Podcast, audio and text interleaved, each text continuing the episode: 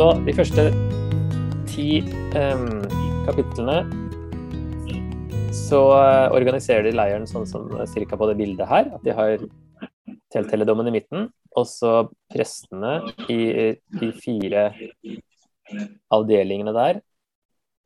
Og så stammene rundt um, tre og tre.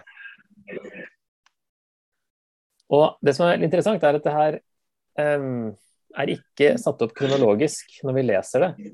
For kronologisk så kommer helligdommen først, siden den var jo satt opp i, i andre Mosebok, eh, 40.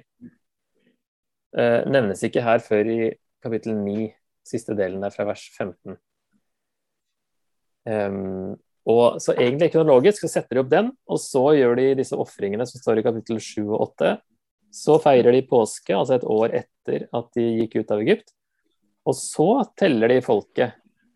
Og så kommer det her med kapittel 1 til 6, da. Og så avsluttes det med den um, velsignelsen som kommer i kapittel 6. Det er egentlig noe av det siste som skjer. Og så er det avreise i kapittel 10. Så teksten er ikke kronologisk, men den følger mer leiroppsettet, faktisk. Den begynner med å snakke om stammene ytterst, kapittel 1 og 2. Og så prestene kapittel 3 og 4, og litt tilbake i det i kapittel 8. Og så til slutt kommer dette telthelligdommen innerst. Selv om den ble satt opp først, så kommer den sist i teksten her. Og når eh, kronologien brytes, da, så er det alltid interessant å prøve å finne ut hvilket teologisk poeng er viktigere. For det er ofte det som er eh, saken. At det er noe, eh, noe, teologisk som forfatteren heller vil få fram, da, enn at eh, kronologien skal holdes 100% Så her får vi liksom den effekten når vi leser, at vi føres inn mot telthelligdommen og at det understreker viktigheten av at Gud må være i sentrum. Så i fjerde, nei, andre Mosebok 33, vers 3, så sier Gud at han ikke vil dra med dem. Dra dere, men jeg vil ikke være med, sier han. Um, og så klarer Moses, uh, eller Gud, bli med likevel. Uh, Moses går i forbønn, det ser vi jo veldig mange ganger her også. Og han begynner med det allerede i andre Mosebok, at han går i forbønn for folket. Um, så her, Hensikten med kapittel 1-10 er å vise da at Gud kan gå sammen med dem, men da må de uh, gjøre det sånn som dette her. Så um, Det var et sånn uh, overblikk først over kapittel 1-10. Vi tar litt mer om litt av det. Hvis vi ser på de første fire kapitlene, så telles det jo. Um, og det er på en måte en hær som telles, men denne hæren får ikke kamptrening, men de blir renset og helliggjort i stedet, fordi de skal til kamp mot avgudsdyrkelse og synd, og ikke mot mennesker, først og fremst. Og de klarer jo ingenting hvis ikke Gud er med. Og, så det er viktigere det med renselse og helliggjørelse da, enn at de trenes opp til å slåss. Og så ser vi jo på tallene at det har gått fra 70 personer i andre Mosebok 1 til 600 000 menn pluss kvinner og barn. da, Så det blir det plutselig to-tre millioner, sikkert. Og det er jo et spørsmål som vi kanskje har vært innom før. Dette med eh, tall i Gammeltestamentet er jo litt sånn vanskelig. Um, det er ikke alle som er enig i at det er eh, bokstavelig så mange. At det er litt utfordrende av forskjellige grunner. Altså, et poeng er jo at det er, så, det er alltid runde tall. Det er vel rundes opp til 50 hver gang. Um, og så er det dette med ordet 1000, da, som kan bety en tropp.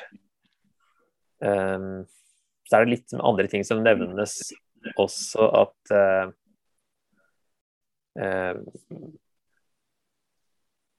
Det står at de sju folkeslagene som bor i landet, de er større og sterkere står det et par steder i femte Mosebok.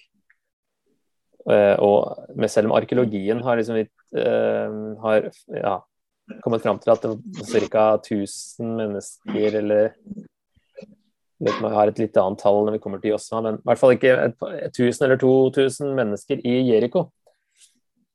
Um, det var ikke så veldig stor by, da.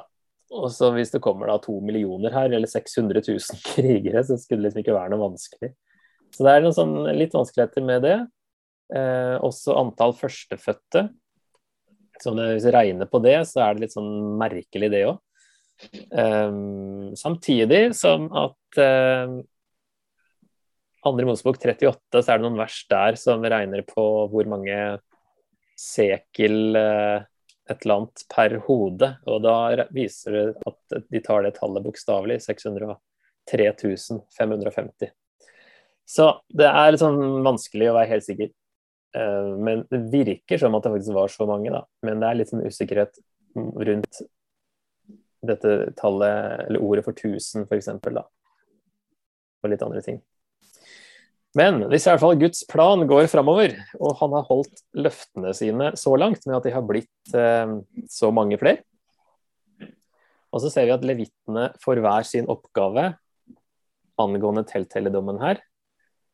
Eh, det er strenge regler for hvem som gjør hva når de skal ta teltet ned og sette det opp igjen. Så har hver av de her levittslektene en oppgave. Og så er det bare prestene Aron sine etterkommere som kunne utføre ofringene, mens levittene, resten da, altså det var jo restene også levitter, av Levis stamme, mens eh, de som ikke var av Arons slekt, da, de hadde oppgaven med å ta teltet opp og ned og bære gjenstandene videre med seg.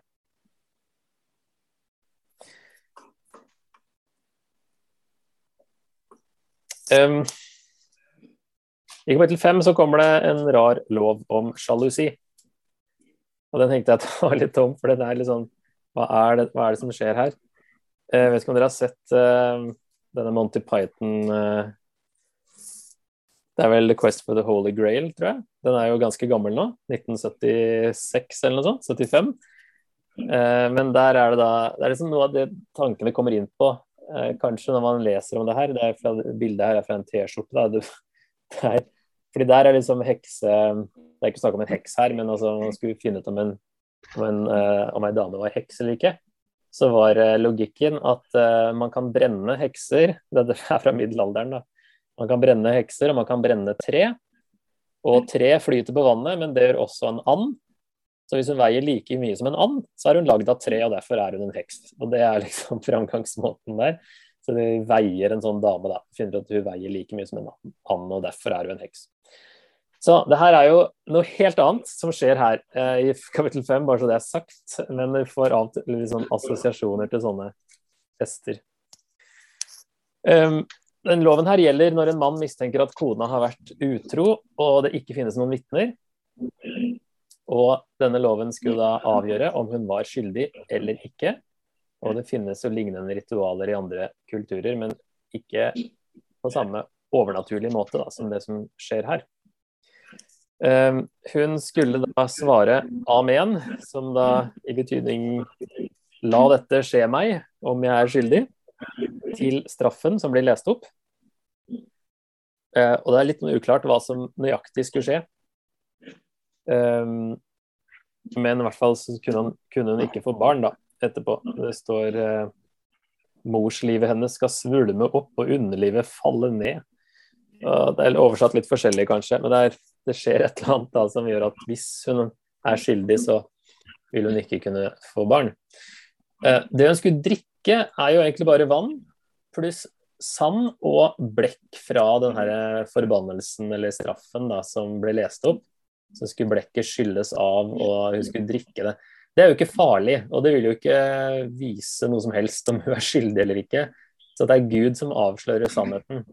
Egentlig drikker hun bare vann med, med sand og blekk. Og hensikten eh, vil jo være å beskytte denne kvinnen mot falske anklager. Det er jo én side her som vi må huske på. Kvinnene hadde jo ikke like mye autoritet og rettigheter i noen kultur den gangen. Det blir jo bedre med Moseloven. Så blir det jo satt på helt lik linje når Jesus kommer da og kjente verset i Galaterne 3 med 'Her er ikke kvinne'. Her er ikke mann eller kvinne. I Kristus er vi alle på lik linje, da. Men det er jo ehm, litt vanskelig å liksom skulle revolusjonere en kultur med det kanskje sånn med en gang. Eh, den gangen så tidlig som det her, da. Så, men i hvert fall her får hun beskyttelse. Kan ikke bare bli anklaget av mannen sin. Det er faktisk eh, Gud som skal vise om det er eh, en eh, riktig anklage eller ikke. Da. Og samtidig så er det for å beskytte menighetens renhet. Um, at ikke man skulle ha noe utroskap, da. Og det viser også da, hvor alvorlig Gud tar utroskap, faktisk. Når vi leser sånne lover som det her. Eh, også en interessant sak er jo at et annet sted i Bibelen som det er snakk om utroskap og skrift og sand. Um, det er litt interessant da det Johannes 8 med hun kvinnen som ble grepet i, i hor, som den historien der, selv om den ikke, som vi har snakka om, tror jeg, kanskje ikke var, eller trolig ikke var en del av eh, første manuskriptene, så er det nok sannsynligvis en sann historie likevel, da. Som de har veldig ønska og tatt vare på, selv om Johannes kanskje ikke skrev den. Så har den blitt plassert i Johannes 8. Men der er det jo altså Hvorfor skriver Jesus i sanda? Og hva skriver han? Og sånne ting har vi spekulert masse på. Men det er jo interessant tre ting som eh, går igjen her, da. Eh, selv om det ikke er blekk, så er det i hvert fall skrift. Og det er sand, og det er utroskap. Så det kan jo være at Jesus eh, på en måte henter opp noe greier herfra, eller Ja. Det kan vi sikkert få vite en gang i framtiden. Så det som da kommer etter uh, dette her i kapittel seks Kapittel seks slutter med, det er jo den loven om nasirere først, som er en sånn derre spesielt løfte man kunne avlegge hvis man skulle dedikere seg ekstra til Gud. Det mest kjente nasireer er vel Samson.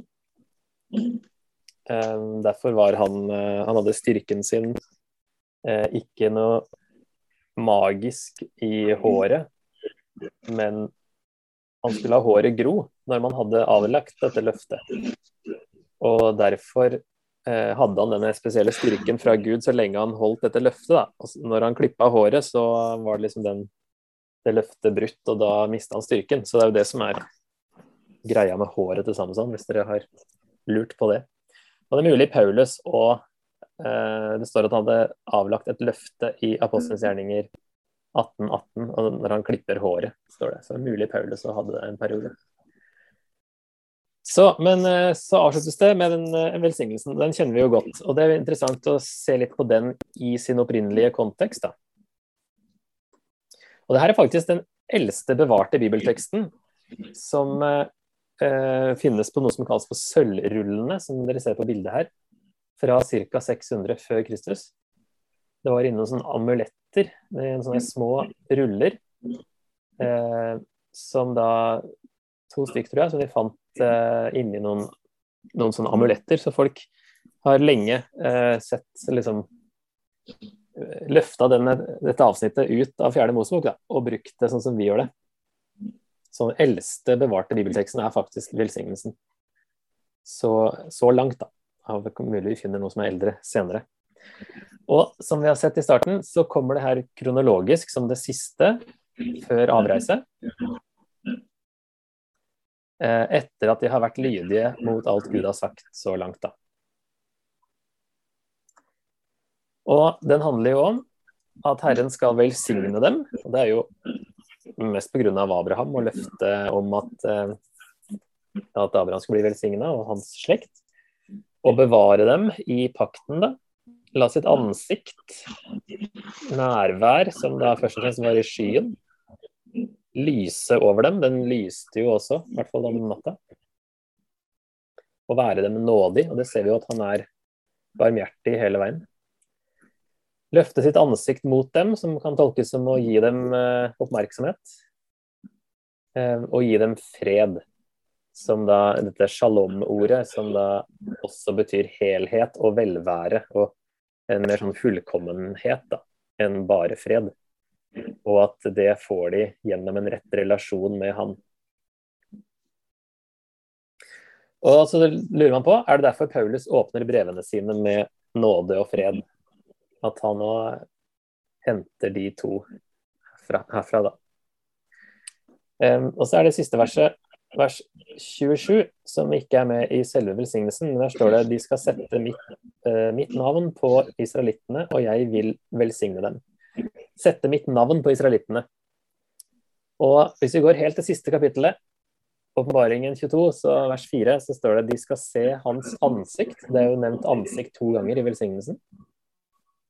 Og de skal ha hans navn på sin panne.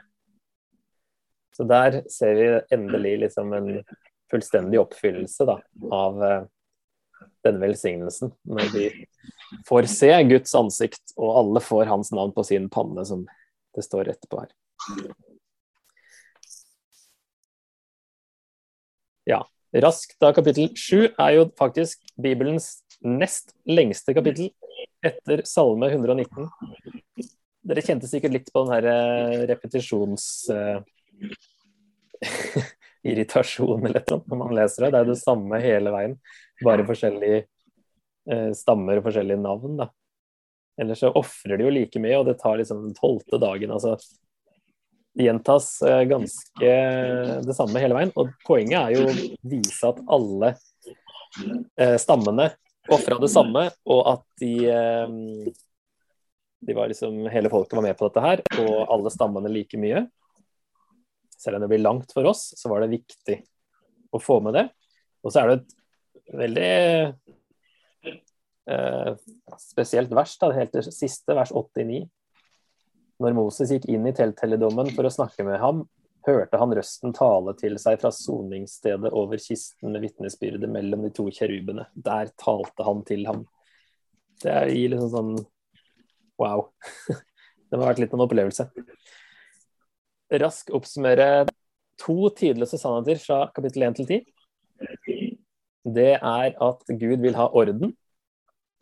Han organiserer leiren, og sånn som Paulus så sier i 1. Korinter 14, at Gud er ikke en uordensgud, men også i menigheten så vil han ha orden.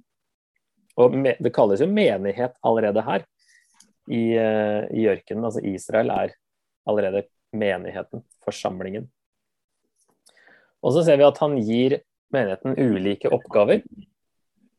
Eh, Levittene spesielt, da, kapittel 3 og 4.